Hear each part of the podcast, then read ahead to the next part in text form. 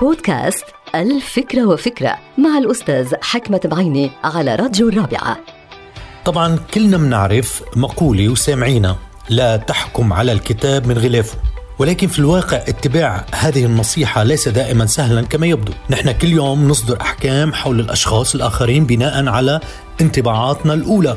تخيل مثلا أنت في أحد المطاعم وسمعت أحد الأشخاص بيتعامل بوقاحة شديدة مع موظف أو مع النادل اللي عم بيخدموا في هذا المطعم. طبعا الانطباع الأول أنه هذا الشخص سيء وعديم الاحترام. أنت بتقتنع بذلك من دون أي تحقيق في الأمر ومعرفة السبب. الانطباع الأول اللي من الممكن أنه يكون خاطئ سيدمر كل الاحتمالات الأخرى. وأهم هالاحتمالات أنه ما حصل في المطعم هو نتيجة سبب معين ويمكن يكون الموظف أو العامل على خطأ.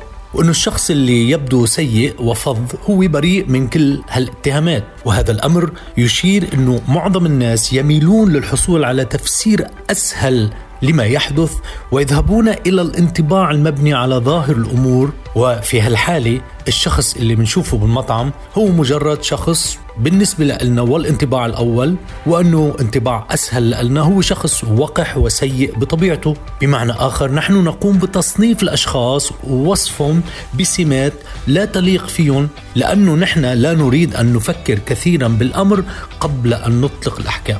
إذا دعونا نتخلى عن بساطة التفكير بكل بساطة.